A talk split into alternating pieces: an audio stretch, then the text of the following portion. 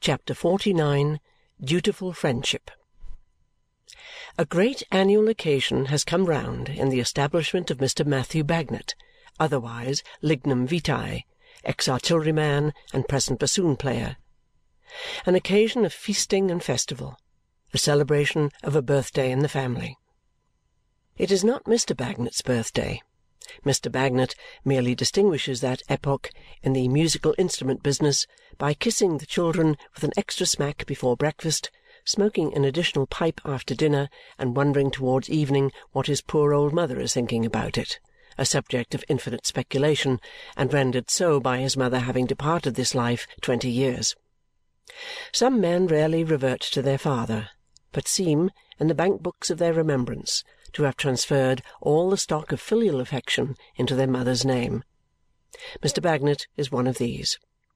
Perhaps his exalted appreciation of the merits of the old girl causes him usually to make the noun substantive goodness of the feminine gender. It is not the birthday of one of the three children. Those occasions are kept with some marks of distinction, but they rarely overleap the bounds of happy returns in a pudding.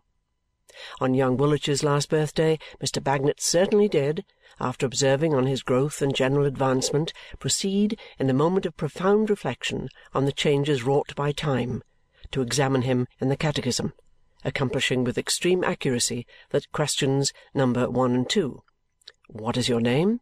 and "Who gave you that name?" but there failing in the exact precision of his memory and substituting for number three the question, "And how do you like that name?" Which he propounded with a sense of its importance, in itself so edifying and improving as to give it quite an orthodox air.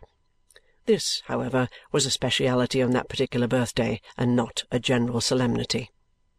It is the old girl's birthday, and that is the greatest holiday and reddest letter day in Mr. Bagnet's calendar. The auspicious event is always commemorated according to certain forms settled and prescribed by Mr. Bagnet some years since. Mr. Bagnet, being deeply convinced that to have a pair of fowls for dinner is to attain the highest pitch of imperial luxury, invariably goes forth himself very early in the morning of this day to buy a pair. He is, as invariably, taken in by the vendor and installed in the possession of the oldest inhabitants of any coop in Europe. Returning with these triumphs of toughness tied up in a clean blue and white cotton handkerchief, essential to the arrangements, he in a casual manner invites Mrs. Bagnet to declare at breakfast what she would like for dinner. Mrs. Bagnet, by a coincidence never known to fail, replying "Fowls," Mr. Bagnet instantly produces his bundle from a place of concealment amidst general amazement and rejoicing. He further requires that the old girl shall do nothing all day long but sit in her very best gown and be served by himself and the young people. As he is not illustrious for his cookery, this may be supposed to be a matter of state rather than enjoyment on the old girl's part, but she keeps her state with all imaginable cheerfulness. On this present birthday Mr. Bagnet has accomplished the usual preliminaries. He has bought two specimens of poultry, which, if there be any truth in adages, were certainly not caught with chaff, to be prepared for the spit. He has amazed and rejoiced the family by their unlooked for production. He is himself directing the roasting of the poultry, and Mrs. Bagnet, with her wholesome brown fingers itching to prevent what she sees going wrong, sits in her gown of ceremony an honoured guest.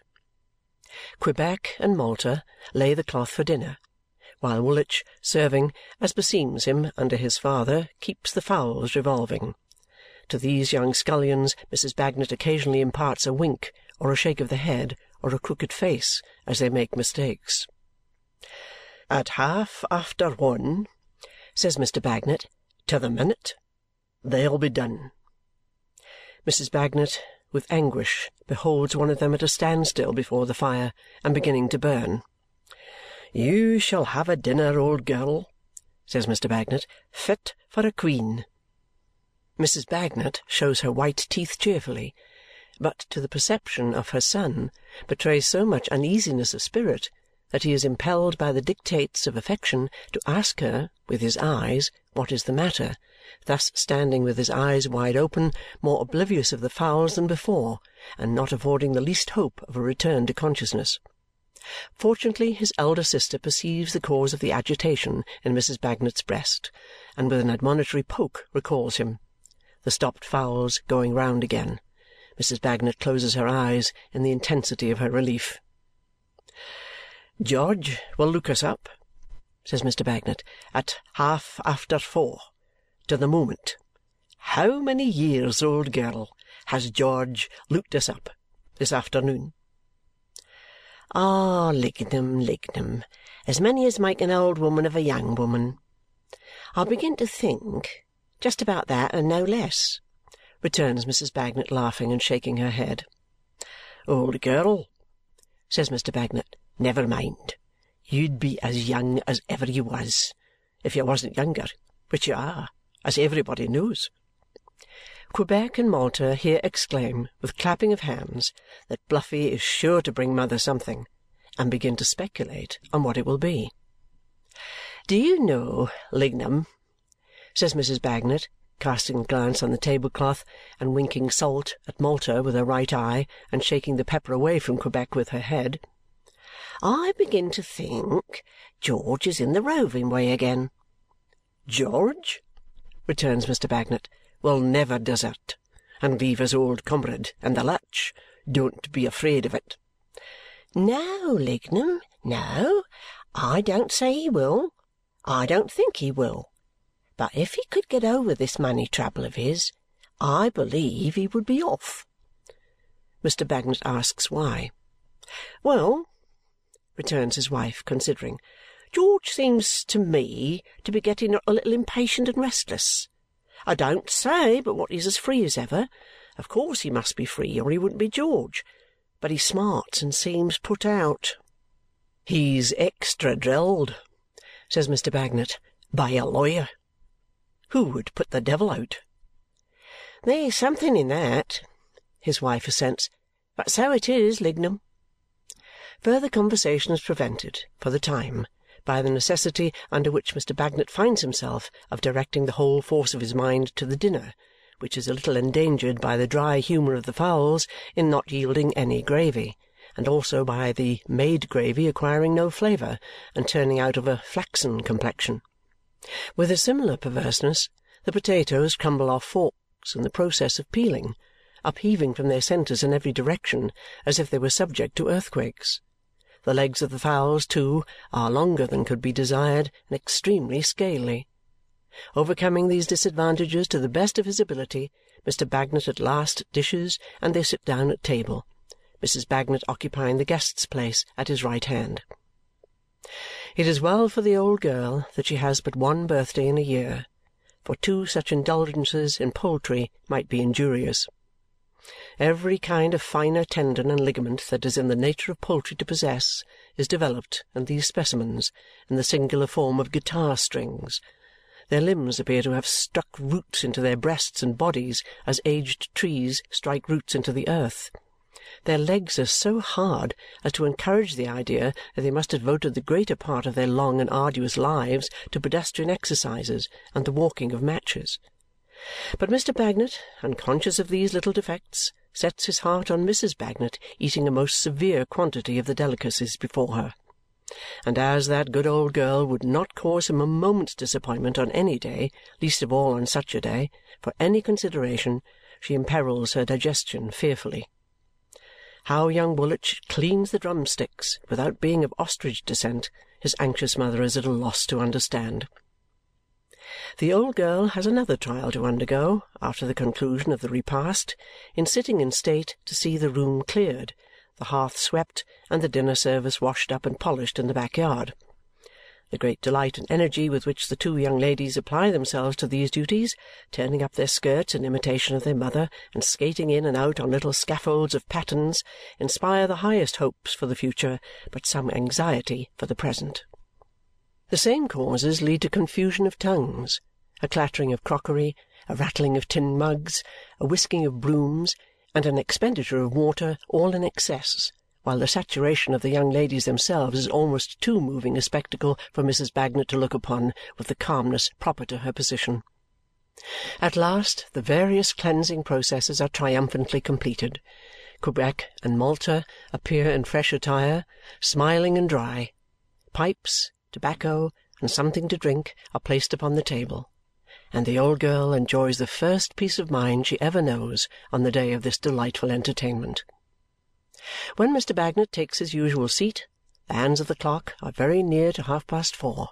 As they mark it accurately, Mr. Bagnet announces, "George! Military time!"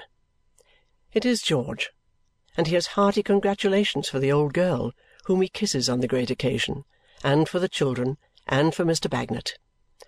"Happy returns to all!" says Mr. George. "But, George, old man!" cries Mrs. Bagnet, looking at him curiously. What's come to you?" "Come to me?" "Ah! You're so white, George, for you, and look so shocked. Now don't he, Lignum?" "George," says Mr. Bagnet, "tell the old girl what's the matter." "I didn't know I looked white," says the trooper, passing his hand over his brow, "and I didn't know I looked shocked, and I'm sorry I do. But the truth is, that boy who was taken in at my place died yesterday afternoon, and it has rather knocked me over." "Poor creetur!" says Mrs. Bagnet with a mother's pity. "Is he gone? Dear, dear!" "I didn't mean to say anything about it, for it's not birthday talk, but you have got it out of me, you see, before I sit down.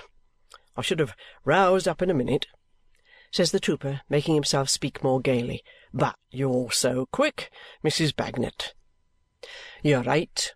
The old girl," says Mr. Bagnet, "is as quick as powder." "And what's more, she's the subject of the day, and we'll stick to her," cries Mr. George. "See here! I've brought a little brooch along with me. It's a poor thing, you know, but it's a keepsake. That's all the good it is, Mrs. Bagnet." Mr. George produces his present which is greeted with admiring leapings and clappings by the young family and with a species of reverential admiration by Mr. Bagnet. "Old girl," says Mr. Bagnet, "tell 'em my opinion of it." "Why, it's a wonder, George!" Mrs. Bagnet exclaims. "It's the beautifullest thing that ever was seen." "Good!" says Mr. Bagnet. "My opinion." "It's so pretty, George cries Mrs. Bagnet, turning it on all sides and holding it out at arm's length, that it seems too choice for me." "Bad," says Mr. Bagnet. "Not my opinion." "But whatever it is, a hundred thousand thanks, old fellow," says Mrs. Bagnet, her eyes sparkling with pleasure and her hand stretched out to him. And though I've been a cross-grained soldier's wife to you sometimes, George, we are as strong friends, I am sure, in reality, as ever can be. Now you shall fasten it on yourself for good luck if you will, George." The children close up to see it done and Mr. Bagnet looks over young Woolwich's head to see it done with an interest so maturely wooden yet pleasantly childish that Mrs. Bagnet cannot help laughing in her airy way and saying, "Oh, Lignum, Lignum, what a precious old chap you are!" But the trooper fails to fasten the brooch. His hand shakes. He is nervous, and it falls off. "Would any one believe this?" says he, catching it as it drops and looking round. I'm so out of sorts I bungle at an easy job like this." Mrs. Bagnet concludes that for such a case there is no remedy like a pipe, and fastening the brooch herself in a twinkling, causes the trooper to be inducted into his usual snug place and the pipes to be got into action. "If that don't bring you round, George," says she, "just throw your eye across here at your present now and then, and the two together must do it. "You ought to do it of yourself," George answers. "I know that very well, Mrs. Bagnet. I'll tell you how, one way and another, the blues have got to be too many for me. Here was this poor lad. 'Twas dull work to see him dying as he did, and not to be able to help him." "What do you mean, George? You did help him. You took him under your roof." "I helped him so far, but that's little. I mean, Mrs. Bagnet, there he was, dying, without ever having been taught much more than to know his right hand from his left. and he was too far gone to be helped out of that. Ah, poor creetur! says Mrs. Bagnet. Then, says the trooper, not yet lighting his pipe, and passing his heavy hand over his hair, that brought up Gridley in a man's mind. His was a bad case too, in a different way. And the two got mixed up in a man's mind with a flinty old rascal who had to do with both. And to think of that rusty carbine, stock and barrel, standing up on end in his corner, hard, indifferent, taking everything so evenly, it made flesh and blood tingle, I do assure you. My advice to you, returns Mrs. Bagnet, is to light your pipe and tingle that way. It's wholesomer and comfortabler and better for the health altogether. Ah, you're right, says the trooper, and I'll do it.